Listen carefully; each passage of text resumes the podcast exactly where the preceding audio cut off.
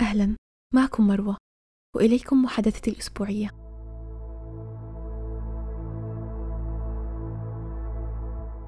بعد أن أصبحت المدير التنفيذي لأكبر شركة في المنطقة أصبحت أكثر من نار على علم الجميع يحاول كسب ودي وعقد الصفقات معي والمشاريع كذلك. ولكن في يوم ما ودعت حياة المرأة التي أنا مغرم بها وقالت لي فلتعمل كثيرا لتكسب الكثير من النقود. ابتسمت ولوحت لها بيدي وخرجت متجها للعمل كالعادة. وصلت لمكتبي. أمرت الموظفين بالتجهيز للاجتماع بعد نصف ساعة من الآن والتي ستكون لعقد صفقة مع شركة عقارات ضخمة في المدينة. بينما أتجهز وأراجع الأوراق والملفات التي سأحتاجها للاجتماع لاحظت وجود أحدهم أمامي. رفعت رأسي ورأيتها. إنها حياة. قلت متفاجئا وفي خوف. ما الذي أتى بك إلى هنا؟ ابتسمت لي وقالت. ليس من عادتي تحذير أحدهم.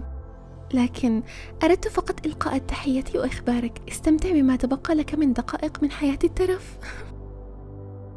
اتسعت عيناي وبدأت أترجاها. أرجوك ليس هذه المرة. فلتقومي بإعطاء فرصة أخرى يا حياة. أنت أكثر من تعلمين كيف وصلت إلى هنا. لكن ما من جدوى.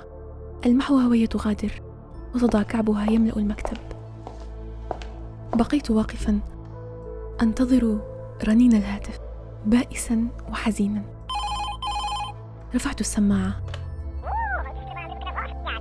حدث ما كنت أتوقعه في لحظة قررت حياة أن تذيقني مرارتها بعد أن أغرمت بها.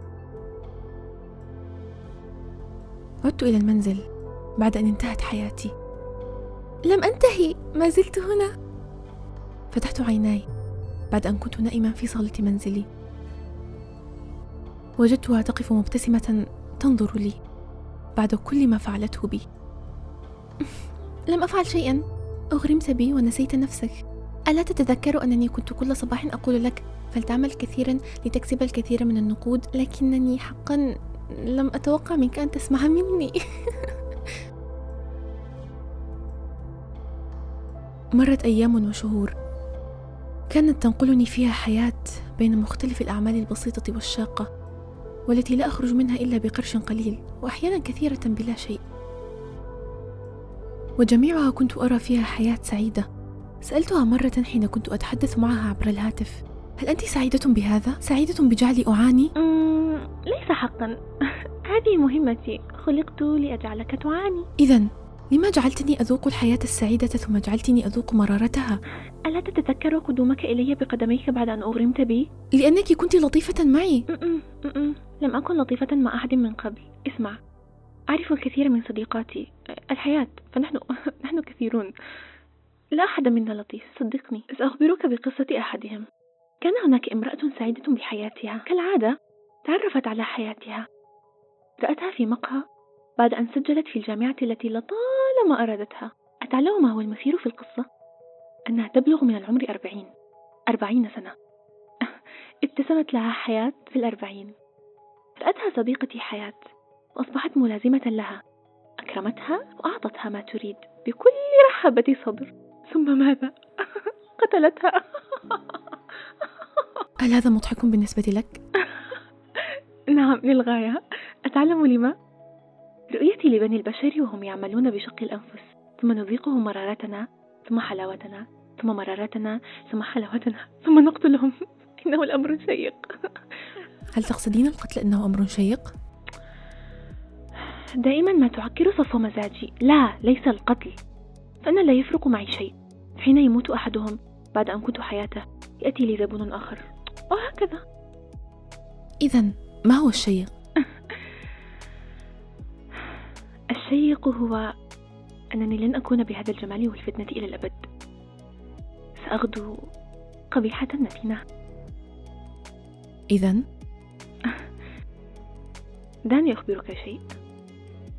بعدما مررت به من مرارتي ألا تذكر أنني كنت أرسل لك قصصات أخبرك فيها؟ ما الذي أردت تعليمه لك؟ أمم نعم هذا ما نريده نحن الحياة ولكن آه لا نجيد التعبير فنجعلك تذوق من مرارتنا حينها نستطيع إخبارك بالدرس إذا لما لا تخبروننا وحسب؟ ألو ماذا تقصد؟ ماذا تقصد بال... ماذا؟ تريد هدم المنزل لكن ماذا تقصد بأن حياة تريد هذا؟ ح... حياة من أخبرتك؟ أريد شرب بعض العصير هل لديك عصير؟ لما هذا؟ لما هذا الآن؟ لما فعلتها؟ لأنك أغضبتني أعتذر دعني أجيبك لا نخبركم وحسب لأننا نريدكم أن تروا الأمر بأنفسكم إن غادرت ستغادر معي لذا حتى تغادر يمكنك الصمود فنحن لدينا نقاط ضعف كثيرة وثغرات يمكنك إيجادها واختراقها بكل سهولة لكنك لا تقشع. لذا بدلا من إلقاء اللوم علي وعلى زميلاتي الحل بيدك أنت. أنا أتحرك بحسب تحركاتك وتفكيرك. إن فكرت فيها جيدا ستفهم ما أرمي إليه. لم أقم بأي حركة عشوائية من قبل. تحركاتي تتبع تحركاتك. لذا تحرك جيدا يا رجل. لا تحسن الاختيار ولا التحرك ثم تأتي وتلقي اللوم علي. حياة وحياة أتعلم أنه ليس لي قيمة إلا إذا وجدت شيئا تناضل من أجله وتعيش من أجله. على أي حال نحن نجد من يعاندنا ولا يسمع لنا إنسان عظيم. عاندني يا رجل. لا تلقي لي بالا. افعل ما تريد. ما دمت أمامك فيمكنك أن تعيشني بكل سعادة. كل ما عليك فعله هو الصمود قليلا قليلا. والسحر هو أن تثق بمن خلقني وخلقك. فهو من يعلم كيف ستؤول بنا الأيام. على العموم فلتنم جيدا. غدا حضرت لك مفاجأة عدة. ولكي تستقبلها بكل رحابة صدر عليك أن تنام جيدا. لأنني لا أريد تذمرا في الغد.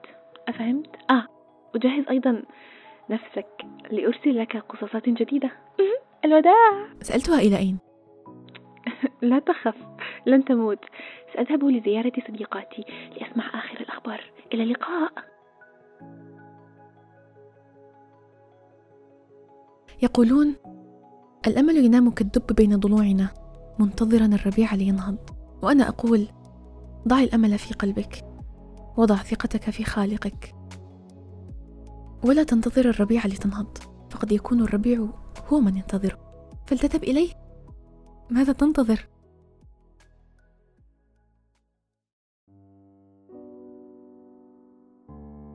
محادثتي الأسبوعية تتجدد معكم في أسبوع آخر.